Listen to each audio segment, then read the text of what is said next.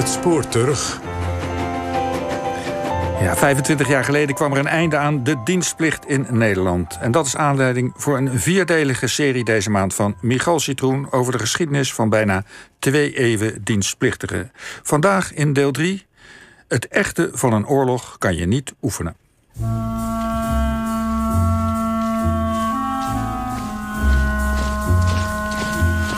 Twee eeuwen lang, sinds het begin van de 19e eeuw, liepen opgeteld miljoenen Nederlanders rond in het uniform van ons leger. En in al die tijd stond er één taak voorop: de bescherming van ons grondgebied tegen de vijand. En vanaf het begin waren dienstplichtigen nodig om dat te doen. De ziekenwagen die heeft de locatie opgekregen waar die, uh, waar moet zijn als de gewonden zijn. En die gaat hij nu verkennen. De andere mensen die zijn binnengekomen en die beginnen nu uh, als een razende zorgen dat de verbindingen de lucht in komen en dat er gecamoufleerd wordt. Elk jaar weer betekende dat duizenden jonge mannen die als militair moesten worden opgeleid, gekleed, gevoed en geoefend. Maar het, eh, het hoort er allemaal, alles heeft een organieke plaats. Hè. Kijk, de kop die hoort daar buiten op te zitten. Die zit daar aan de zijkant. En dat zijn de mortieren waar, we straks, uh, waar jullie straks mee gaan schieten? Daar gaan we mee schieten, ja. En die bijlen? Dus er komen nu met bijlen aan. Waarvoor is dat dan? Dat hoort bij een gereedschap. Als je straks ergens een hindernis hebt waar, waar bomen in de weg staan, dan, eh, dan kappen die bomen. Als je niet kunt schieten omdat de bomen staan, dan kappen we die bomen om. Dat doen we in vredestijd niet, maar dat, dat is dan oorlogsstrijd. Maar dat, dat hoort bij de uitrusting die bij. Nu, nu doen jullie dat niet? Nee, dat doen we nu uiteraard niet. Na de Tweede Wereldoorlog tot het einde van de dienstplicht in 1996 is het doel van vrijwel alle oefeningen decennia lang in Duitsland de aanval uit het oosten tegenhouden. Half negen ga je op eigen gelegenheid naar de stoor toe. Vragen. Problemen. Oké, let op. Maak, maakt u nou voor uzelf een soort uh, idee van dit is echt? Uh, nee, nee. Nee, ik kan me eigenlijk niet echt voorstellen hoe het in het, in het echt... Uh, ja, dat is, het is anders, denk ik. Hè. Het is... Uh, paniekeriger? Ja, paniekeriger, denk ik, ja. ja. Kan je dat op een of andere manier nabootsen? nee. Nee. nee het is een bepaalde spanning die, die, die erbij hoort. Dat, nee, die is niet na te bootsen, denk ik.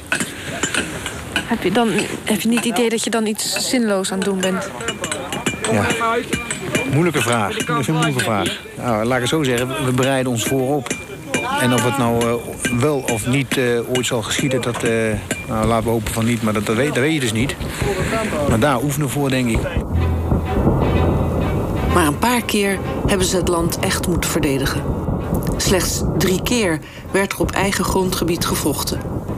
In 1815 en aan het begin en het eind van de Tweede Wereldoorlog. Daar moesten we constant de grens controleren. In de lente van 1940 wordt dienstplichtige Kees Segers regelmatig naar Roermond gestuurd om van daaruit patrouilledienst te lopen langs de Duitse grens. En aan de andere kant controleren de Duitsers. Hè, want die zagen we ook lopen en die zagen ook. En wij roken zelfs ook nog wel eens een sigaretje met deze mensen. Want die moesten ook maar en wij moesten ook. Hè. Die sfeer was niet zo erg echt gespannen, beslist niet. Zij hoorden dus bijvoorbeeld gerommel. En dat duidde misschien op oefeningen en dat gaven ze door. Uh, maar enige vorm van vijandigheid of wat ook, dat, dat, dat, dat, dat was hem niet. Nederland heeft natuurlijk jarenlang, behalve dan in Nederlands-Indië... maar daar vechten geen dienstplichtigen... Militair historicus Ben Schoenmaker. Geen ervaring met oorlog. We hebben de Belgische uh, revolutie gehad. Uh, nou, daar is gevochten, zeg maar. En daarna wordt het, godzijdank zou je kunnen zeggen, uh, lange tijd stil. we worden neutraal en we weten de neutraliteit ook te, te bewaren. We blijven buiten de Frans-Duitse oorlog. We blijven buiten de Eerste Wereldoorlog. Dus er zijn niet zoveel momenten waarop je dat leger nou daadwerkelijk kan testen. Ja, dat gebeurt dus in mei 1940. Nadat ons land met angstvallige nauwgezetheid al deze maanden een stipte neutraliteit had in acht genomen, is in de afgelopen nacht door de Duitse Weermacht zonder de minste waarschuwing een plotselinge aanval op ons gebied gedaan. Op 10 mei 1940 was de Duitse aanval op ons land voor veel mensen een verpletterende verrassing. Maar niet voor de landmacht. Daar zagen ze de bui al jaren hangen. En zo goed en kwaad als het ging, werden voorbereidingen getroffen. Maar de mannen waren niet goed geoefend. En onze wapens waren geen enkele partij voor de slagkracht van de Duitse vijand. Soldaat Jachtenberg. Aan de Grebbelinie bij Wageningen. En toen het licht werd, toen werden wij ook onder vuur genomen door de Duitsers. Dus die granaten viel op onze stelling en om onze stelling. En dat was onze, onze vuurdoop. Dat was wel een uh, benauwde gewaarwording. We hoorden dat wel schieten, maar we wisten verder ook niet wat er eigenlijk gebeurde. Maar door de granaatvuur was al direct telefoonlijnen verbroken. Want die lijnen die lagen over de grond, soms een eindje door de grond, maar ook door de bomen. Dus die waren zo aan gruzelementen. Verbinding was er niet. Toen vroeg dus onze commandant, omdat er ook geen ordonnansen waren... Ja, we hebben helemaal geen verbinding en we weten niet wat we doen moeten. We weten niet hoe het erbij staat. Moeten we vooruit of moeten we terug? Van alle kanten wordt geschoten. Willen jullie twee dan niet naar de commandopost gaan? Proberen en gaan vragen hoe staan de zaken ervoor? Moeten wij wat doen? Wat is het advies? Eh, de, de officieren zijn ook voor een heel groot deel reserveofficieren... die toch uh, ja, wat minder geoefend en soms ook wel wat minder gemotiveerd waren dan beroeps. Maar aan de andere kant, dat is zo interessant... voor die beroepsmilitair gold natuurlijk eigenlijk precies hetzelfde. Want ook al heb je een beroepsleger... dat wordt ook lange tijd eventueel niet getest. En dan is ook maar de vraag van hoe gaan die zich... als het daadwerkelijk oorlog is, uh, uh, gedragen en handhaven. Toen Nederland ontwaakte op 10 mei 1940 was er een grote zorg. Hoe zouden de gemobiliseerde jongens het ervan afbrengen? Konden ze wel tegen partij bieden? Generaties lang was oorlog onwerkelijk geweest. Velen gingen die ochtend gewoon op de fiets naar het werk alsof er niets aan de hand was. Maar bij de soldaten was het anders. De Grebbeberg was heel snel een plek van chaos, paniek en ontreddering. Nou, wij z'n tweeën uh, kruipend en sluipend door, uh, door sloten en greppels naar de commandopost. Misschien een uh, 500 meter van ons vandaan.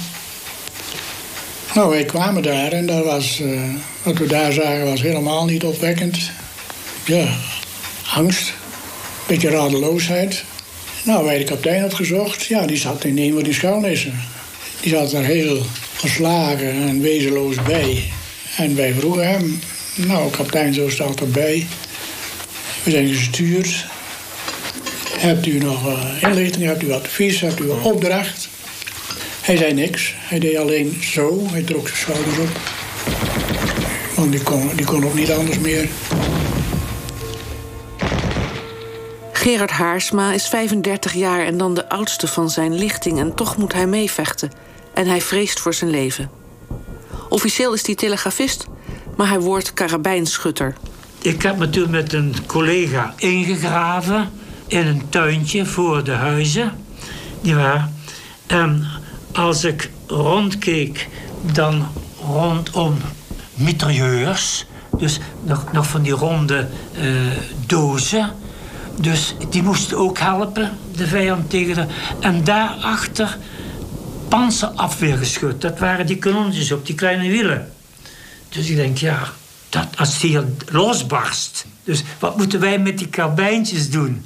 En die panzerafweer ook nog dat geluid, ik denk dat we er misschien allemaal doof waren geweest of iets. Dus we hebben daar gezeten en we dachten beslist, ja, dat zal ons einde wel zijn. Want ik weet dat ik met een Maastrichtenaar, dat ik zeg, wanneer jij er goed vanaf komt, doe ze de groeten in Maastricht. En mocht het omgekeerd zijn, dan zal ik proberen. Dus je daar beslist, hier, hier komen we niet uit. Op een andere helling van de Grebbeberg komt soldaat Fink oog in oog met de vijand te staan. Die Duitsers die zaten achter ons, opzij van ons, overal. Die waren, totaal waren we omsingeld. We konden nergens meer naartoe. Zelfs naar achteruitwijken was ons niet beschoren op dat moment. En uh, ik weet wel, het was een, een helsgeschreeuw... want toen was er echt een man tegen man gevecht. Want sommigen hebben nog behoorlijk van zich laten spreken van onze compagnie. Velen zelfs. Maar ja, het was binnen een minuut of... Kan wel rustig zeggen, binnen tien minuten zo'n zo zo man tegen man gevecht is, is, is, is, is kort, heel kort. Dat duurt niet lang. Hè? Nou, en toen werden we gevangen genomen. En in NATO begon het, hè. Die lui die begonnen te schreeuwen. Was als doe als ik het aan een vent liep met zo'n bloedlopen streep op over zijn borst. Als doe als ik het aan. Zei, nee, ik had het ook niet gedaan. Weer een ander die schreeuwde, waar zijn die Engelanden? En, uh, het was een, een hele verwarde situatie. Maar dan stonden we daar met de handen omhoog. En ik dacht, nou, nou worden we doodgeschoten. Ze gingen voor ons staan met een automatische geweer. Nou, op dat moment, ik, geen, ik deed mijn ogen dicht. Ik was volkomen rustig. Ik dacht, het is zo gebeurd. Want dat zijn, een aantal kogels tref je toch. Dat gaat zo snel met die dingen. Maar ineens hoorde ik schreeuwen, Kluiskriet. Ik, ik denk, ik leef nog. Toen hebben die mof van ons afgevoerd naar achteren toe. Steeds meer soldaten die niet krijgsgevangen zijn gemaakt... proberen te vluchten. Maar dat komt sommigen duur te staan... want aan de westkant van de Grebbeberg staat de militaire politie... onder leiding van kapitein Gelderman. En die hebben de opdracht om vluchtende soldaten tegen te houden... en desnoods terug te schieten. Marechaussee Oort is één van hen. Dus maar bij de Grebbeberg op en, en begon te schemeren. En uh, ja, het was een chaos van komen en gaan van militairen en, uh, geschreeuw. En toen bleek dat er een, een, een hoop, een troep mokkende militairen... niet terug wilden, die niet verder wilden. Wat nu eigenlijk de oorzaak precies is, weet ik niet. Maar Ossieren zag ik ook niet. Of ook niet, zullen misschien zijn geweest. Maar ik zag toch verrek weinig Ossieren. Maar wij waren nu flinke jongens, daarom zijn we er ook naartoe gezien natuurlijk... om die militairen weer in het gereel te houden en de Gebbenbij op te sturen. Ik weet wel op een zeker ogenblik, zegt kapitein Gelderman... naar voren toen ons geschoten worden en, en een hele Sousa, een hele lawaai. En toen... Uh, toen zegt hij, ja, tegen ons, aan deze kant. En ze schieten maar, hoor. Zeker 15 Nederlandse soldaten vallen onder het vuur van de militaire politie. Ik was bij die lichte mitrailleurs en ik zat in zo'n bunker. Daar voelde ik me veiliger natuurlijk, maar ja, je was, je was geen soldaat eigenlijk. Ook in Zeeland wordt gevochten. Onder andere door dienstplichtig soldaat Johan de Kaluwe. Daar heb ik trommels, trommels heb ik er leeg geschoten in het wilde weg zomaar. Was het recht maar dat wist, ik, dat wist ik gewoon niet. Ondanks kleine successen is het snel gedaan met de vesting Holland. Als op 14 mei Rotterdam wordt platgegooid, capituleert Nederland. Kogels, we hadden eigenlijk nooit kogels gehad. En daar ja, werden de zakken kogels op de straat en dan kon je je zakken vullen.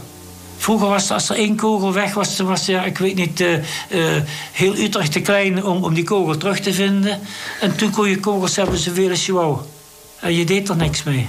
En ook ja, uh, officieren, ik weet niet waar, of kapiteinen, officieren, of, nergens te vinden.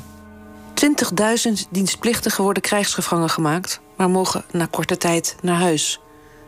In totaal sneuvelen in de meidagen 2200 Nederlandse militairen en raken 2700 ernstig gewond.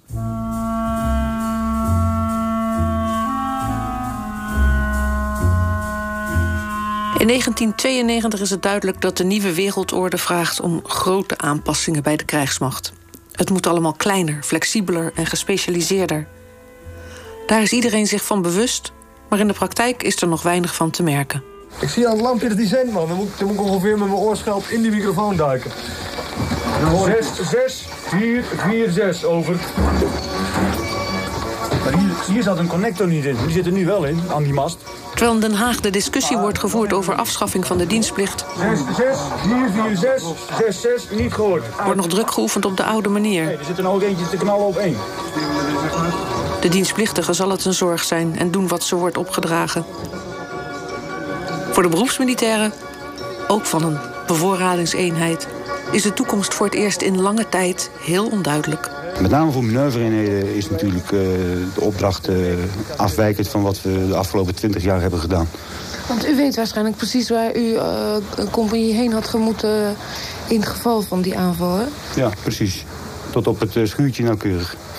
Ja, bent u daar veel geweest? Eén keer. Maar daar had u altijd naartoe gemoeten? Daar hadden we altijd naartoe gemoeten. Het stond allemaal genoteerd, telefoonnummers waren bekend. Wacht u met spanning op de toekomst? ik wacht met spanning op de toekomst, ja. Gewoon, wat blijft er over van de krijgsmacht? Wat denkt u? Uh, ik denk dat we in moeten krimpen. Er is nogal wat onrust, met name uh, onder uh, het beroepspersoneel. Ja, mag ik blijven of ja, word ik eruit geschopt? Dat had u natuurlijk nooit verwacht toen u beroepsofficier besloten te worden. Nee, zeker niet. Dat is 17 jaar geleden. Dus toen was de situatie heel anders. En werd er een rooskleurig plaatje voorgeschoteld. En uh, als je op de KMA had gezeten en je deed geen rare dingen... dan werd je automatisch luitenant-kolonel. Maar ja, dat is de afgelopen jaren al veranderd in het uh, nieuwe bevorderingsbeleid. Na de bevrijding is het voor de Nederlandse dienstplichtigen nog niet afgelopen. Integendeel. Maar nu is Nederland vrij. En toch heb ik voor u allen een boodschap van strijd. Want het Koninkrijk der Nederlanden is en blijft in oorlog. Nederlands-Indië, Indonesië had zich onafhankelijk verklaard. Er ontstaat een, een oorlog. Militair historicus Ben Schoenmaker. Dan moet de grondwet eh, heel snel worden aangepast. Want in feite mocht het helemaal niet. Maar ja, de nood is hoog. Dus we zien toch grote aantallen dienstplichtigen naar uh, Nederlands-Indië vertrekken. Natuurlijk in de geschiedenis van de dienstplicht is een hele unieke en bijzondere periode. Uh, nou moeten jullie straks ook naar Indië. Een jaartje hooguit. Uh, maar dat was uh, heel goed voor het vaderland dat wij dat deden. Zolang het koninkrijk in oorlog is, moet er oorlog gevoerd worden. Indonesië schreeuwt om verlossing. En die roepstem moet in Nederland worden gehoord en beantwoord. En dat niet over overmorgen, maar dadelijk. Zolang de bloedzon over de evenaar schijnt, zijn en blijven wij in oorlog. Propaganda raakt zijn doel. Oh, we waren het er wel een beetje mee eens natuurlijk. Want je kwam nog uit een, uit een periode dat gezag nog gezag was met hoofdletters. Als je vader en moeder dit zeiden, dan was je twintig, dan deed je dat. En zo was het toen de dienst ook. Dus voor een jaar ging naar Indië, dat, dat was ons voorland. En dankzij de heftige oorlogsjaren vinden duizenden jongens het helemaal niet onaantrekkelijk om in Nederlands-Indië eerst tegen de Jap en vervolgens tegen de onafhankelijkheidsbeweging van Sukarno te strijden. Het verhaal was natuurlijk, je gaat daarheen voor het herstel van orde en vrede. Uh, maar uiteindelijk kwamen ze natuurlijk in een hele nare oorlog terecht. Ook jongens die natuurlijk uh, ja, eigenlijk al een hele bijzondere jeugd hadden gehad... tussen aanhalingstekens, omdat ze net uit de Tweede Wereldoorlog kwamen. Dus de bezetting hadden meegemaakt. En nu nog eens voor lange tijd, drie, vier jaar, naar, naar Indië moesten. Ja, mannen die nu allemaal, uh, althans degenen die nog leven in, in, in de negentig zijn inmiddels. Maar nogmaals, die hebben het, uh, ja, die hebben het absoluut uh, niet makkelijk gehad. Jode Neef komt in 1946 in dienst. Pas op dat je thuis blijft. Hè. En weet wat er gaat gebeuren. Want je komt in een land met veel zwoele omstandigheden. Dat werd ons wel ongeveer verteld. Soms een beetje omvloerd, maar het werd toch gezegd. Daar waren ze heel Denk erom, die kamferingen thee. En dat is waar, dat is geen verhaaltje, want ik heb in de keuken gestaan... en dan moesten wij dat toen al in doen. Daar word je rustig van, van, van onderen. Maar de echte voorbereiding, nee. Opleiding was in eerste instantie exercitie, exercitie, exercitie. Theorie geweer. Hadden nou uh, geweeroefeningen gekregen, dus schietoefeningen. Eén keer zijn ze geweest, naar de hartkamp. In al die tijd, voordat we naar Indie. Eén keer. Iedereen mocht vijf kogels afschieten. De neef vertrekt in 1947. Maar toen wij aan de beurt waren, aan de staf, toen waren de kogels op. Dus ik heb niet geschoten voor ik eh, in Indië was. Wij gingen tweede paasdag weg en dan zijn we op appel gezet, s morgens om zes uur, op het kazerneplein. Daar heeft de aalmoezenier en de veldprediker het Onze Vader gebeden voor de troep. Ook in 1947 is soldaat Hollander aan de beurt. Toen zijn we afgemarcheerd naar het station uh, in een doodstille stad. Op het station stond militaire politie. Verder was er niemand op het station uiteraard. Wij werden daar opgemarcheerd. En in de trein, dat was een speciale trein, naar Rotterdam werden we gebracht. Bleek onderweg bij elke spoorwegovergang uh, en langs de, de spoorbanen uh, stond de gewone politie als, ja, als een soort beveiliging en wat dan ook. En tegen het uit de, trein springen of wat van jongens enzovoort. En zo werden we Rotterdam, het havengebied, binnengereden. En ik weet nog wel dat die laatste paar kilometer... Sprong de militaire politie op de treeplanken om die deuren dicht te houden of weet ik wat. Hè. Maar zo werden we op de kade neergezet.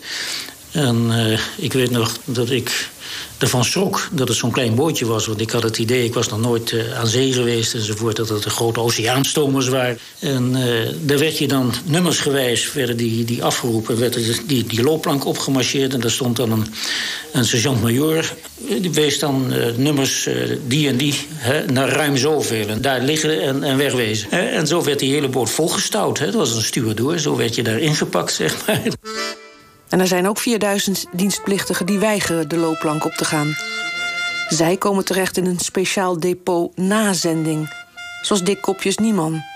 Toen eh, werden we s'nachts in bed gelicht. Werden we in auto's gegooid, werden we naar Rotterdam gebracht. En er was een, uh, waren geloof ik met een kleine 200 weigeraars. En er was ook een uh, contingent wat wel ging. En dat hebben ze heel handig ingepikt toen. Want je ging met, uh, met drie jongens die in Indonesië gingen. En dan namen ze één weigeraar en dan moest je door loodsen heen. En er stonden tafels en daar kreeg je een pakje sigaretten... en daar kreeg je een lunchpakket en dat soort dingen. Totdat je bij de loopplank stond. En die drie jongens gingen dan de loopplank op. Nou, en dan stond je dan helemaal alleen. Want je wist niet wat je voorgangers gedaan hadden. En dan kreeg je drie keer het dienstbevel dat je erop moest. Nou, en blijven weigeren. En dan werd je in je kraag gepakt en uh, stond er een auto klaar. En toen ik in die auto kwam, zat er al een man of vier. Toen dacht ik, nou, ik ben gelukkig niet de enige die weigert. En dan zijn er nog de deserteurs. Generaal Kruls probeert dat via de radio in te dammen. Laat u toch vooral niet verleiden, moeders en vaders, vrouwen en verloofden, zusters en broers, om uw jongens en mannen te stijven, indien zij in een ogenblik, waarin zij opzien tegen het afscheid van u allen, de neiging zouden hebben gehoor te geven aan de roepstem van misleiders en onverantwoordelijke propaganda. De straffen voor desertie zijn zwaar. Ik was wel in dienst om mijn land te verdedigen. En mijn eigen huis en je eigen ouders. Alles van jezelf. Maar niet om in een vreemd land oorlog te gaan maken... terwijl we zelf oorlog gehad hebben. Je gaat er niet tegen die mensen zeggen dat uh, ik kan ze niet. En uh, ze wilden, en dat praten was steeds mislukt. Hè, want ze hadden verschillende keren gesproken, die regeringen. Dus uh, ze hebben daar schepen en ik denk, ik ga er niet heen. Om die mensen die ik niet kan en nog een andere kleur hebben... misschien hele beste huisvaders... en zeggen, je moet weer voor ons werken en ik moet je dat... Dat doe ik niet. Zonder geweer had ik er nog heen te gaan om de mensen te helpen, niet met, met wapens. De landmacht stuurde zo'n 120.000 militairen naar de oost... in de grootste overzeese militaire campagne ooit. De berichten die vanaf 5, 6, 47 naar, naar Holland toe kwamen, vanuit Indië zeg maar... Uh, ja, dat was in een tijd geen televisie, uh, niemand... Uh, een radio per gezin, dat was al heel wat. kranten waren gezamenlijk en dat was allemaal in, in de mooie praterijsfeer. Hè? journalisten waren toen nog ja, autoriteitsglaubig. Hè? Die, die, die hadden al, droeg allemaal een hoed maar, om hem af te kunnen nemen. Ja, daar, was het beeld over, over wat, wat hier in Nederland bestond... was van, gut, onze jongens die lopen daar heel plezierig rond. Die worden daar hartelijk ontvangen door de bevolking Uh, zijn er om wat kwaadwillige elementen, vooral die gecollaboreerd hadden met de Japanners. Dus dat was vergelijkbaar met onze NSB'ers. Uh, nou ja, die moeten opgeruimd worden. En, en een kleinigheid. En iedereen vond het prachtig, hè, want je had net in Nederland waar ook alle NSB'ers opgepakt en opgeruimd. Dus dat viel in dat patroontje zo mee. De stemming is puik. Zelfs zodanig dat er niet gekankerd wordt. En dat zegt voor Nederlanders heel wat. De temperatuursverschillen zijn er groot. Overdag lopen ze in een korte broek en op sandalen. En s'nachts trekken ze een trui aan voordat ze onder de dekens schieten. Dan kregen die jongens daar kregen gratis sigaretten. In een tijd dat sigaretten was uh, currency, hè, en daar, daar, kon je handel mee drijven. En die kregen daar rijst te eten en pinda's. Nou, dat was iets wat dat, dat in Nederland was ongekend. Uh, en bananen. Uh, men kreeg hier het idee, ja, in Indië is, is de gouden tijd hè, vergeleken hier. Het kan niet op. Dit is het verslag van één dag op de buitenposten bij Padang. Waarin we niet één ontevreden man hebben ontmoet. Ik dank u. Thee zetten moesten we uit de kali. De werkelijkheid is uiteraard heel anders. Eten koken moesten water uit de kali. Wassen en scheren moesten uit de kali. Ook voor soldaat De Neef. Maar de latrines kwamen er ook gewoon uit. En het was stroomafwaarts, dus je weet er alles van. Je ving geregeld dan van alles op. Dan moest je dan weer maar zuiveren. Ja, daarom mochten wij ook geen water drinken natuurlijk. Een waterleiding was er niet. Licht was er niet. Thee. En de hele dag met thee zetten. Thee zetten, thee zetten, thee zetten. Het is toch fout gegaan, want ik kwam op een gegeven moment toch dysenterie natuurlijk. En eh, nog zo'n zo akelige ziekte. Die, maar daar was ik zelf op een gegeven moment ook slachtoffer van. Soldaat Van Deursen spreekt liever niet over wat er gebeurd is. Juist als we de MP-post staan te praten... Hij leest wel wat voor wordt er wat verderop geschoten. En vlak erop komt er van de post uh, daarna een wagen aan die s'morgens de weg inspecteert. Eén jongen is door zijn arm geschoten en de andere een schampschot. Na overleg gaan we met nog een jeep van de MP op onderzoek uit. Een paar kilometer verder wordt de kleine kampong waaruit geschoten is... omsingeld en alle bewoners, plus minus 30... in een kring op een stuk droge samen gezet. Heel in de vette zien we dan een man of 20 TNI-soldaten of rampokkers vluchten. De bewoners worden verhoord. Gewoon gevraagd om inlichtingen. vrouwen, kinderen en oudere mannen worden naar de kampong teruggestuurd. Ze hebben daar blijkbaar niets mee te maken. Totdat er twee jongens overblijven die aan hun kleren te zien er toch kennelijk meer van al weten. Ik ben weggelopen, ik ben niet zo'n held. Heb het thuis ook nooit geleerd. Weet daarom ook niet wie ze neergeschoten heeft. Maar het gebeurde. Ja, je wordt opgeleid en opgefokt alsmaar van uh, dat wapen moet je gebruiken. Dat heb je niet uh, voor de gein. Nou ja, dat, dat, die dreiging voelde je, nou, dat begreep je ook al gauw. En dan werd je ook bij gezegd van, ja, je moet niet aarzelen. Hè? Beter tien keer te vaak geschoten dan één keer te weinig, hè, bij wijze van spreken. Of, of je manier van optreden, je moet, je moet voorkomen. Je oogjes open houden en, en helemaal een beetje ja, uh, nu zeg ik, het was arrogant optreden wat wij deden. Hè. Wij, uh, nou, een beetje, beetje fors lopen, uh, rechtop erop afstappen... en direct met een grote bek beginnen tegen, tegen Inlanders enzovoort. Hè. imponeren, zeg maar, want ja, dat, dat leerde je al heel gauw. Niks nemen, zeg maar. Niet, niet opzij gaan of, of wat dan ook voor, voor dingen. Altijd ervan uitgaan dat jij het, het bij het recht eind hebt... dat jij zegt hoe, hoe, hoe je het hebben wilt... en dat zij dat ogenblikkelijk moeten doen. Ik ben zelf wel bij het in brand steken van, van het afbranden van kampongs uh, betrokken geweest. Hè? Uh, ik heb daar nooit moeite mee gehad.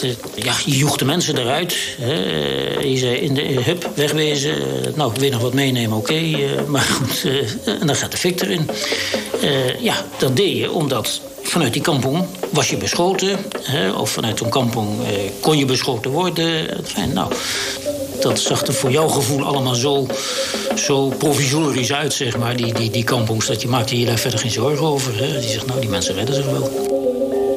En als er vanmiddag daar een vriend van je wordt neergeschoten... door een sluipschutter die zich in de klapperboom heeft vastgebonden... dan ben je boos. Dan ben je erg boos. En verdrietig. En als je dat alleen bent, dan gaat dat misschien... dan ben je dan met vijf of met tien of met twintig. Wat krijg je dan? Stemmingen. Ik wil er verder niet veel van zeggen. Maar dat, dat is gebeurd. Maar ik kan het ook niet in percentages uitdrukken. Er zijn ook heel, heel veel andere dingen gebeurd. Goede dingen. Bevolking kunnen helpen. Met eten, met drinken. Maar vooral ook contact. Medische verzorging.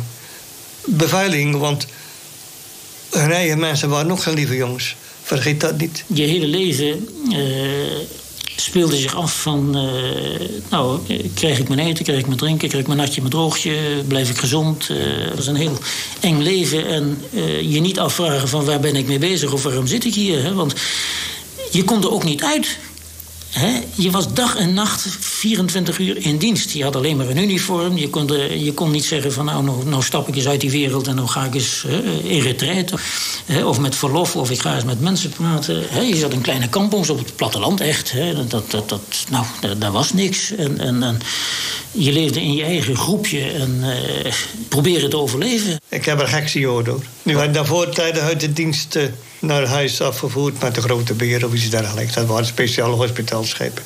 Als je die cijfers van die hospitaalschepen hebt, dan denk ik dat er heel wat duizenden zijn die vroegtijdig zijn afgevoerd. Het duurt zo lang. En die is weg en die is weg. En ik wil naar mijn moeder en ik wil naar mijn vrouw. Of ik. Ja, dat ga je krijgen. Als het dan zo lang duren, vooral de laatste maanden. Want ja, toen was het toch zachtjes aan een beetje rustiger geworden. En hoe gaat het met die politiek? Je voelde je natuurlijk een beetje speelbal van die politiek. Gaan we nou naar huis? Gaan we niet naar huis? Ik geloof dat we vier keer naar huis gingen.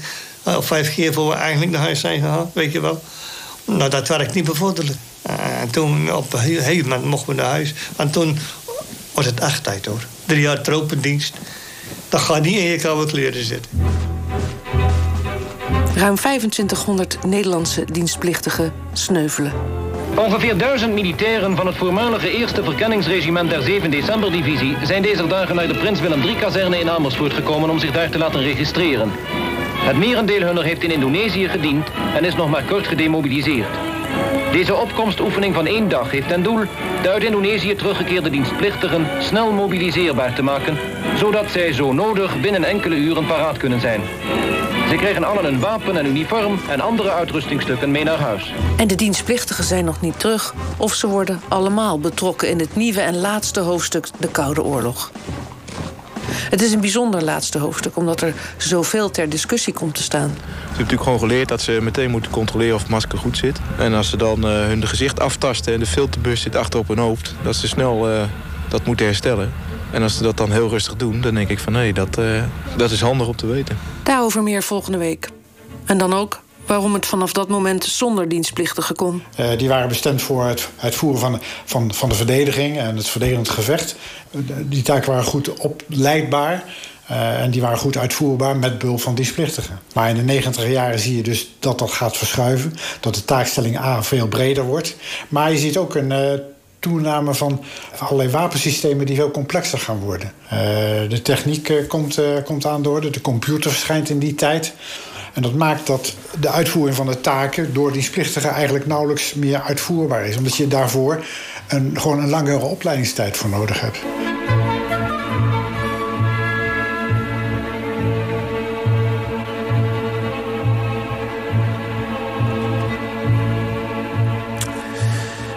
En dit was het derde deel van een serie over de Nederlandse dienstplicht... gemonteerd door Berry Kamer met interviews van Kees Slager, Paul van der Gaag en Michal Citroen. En daarmee zijn we aan het einde.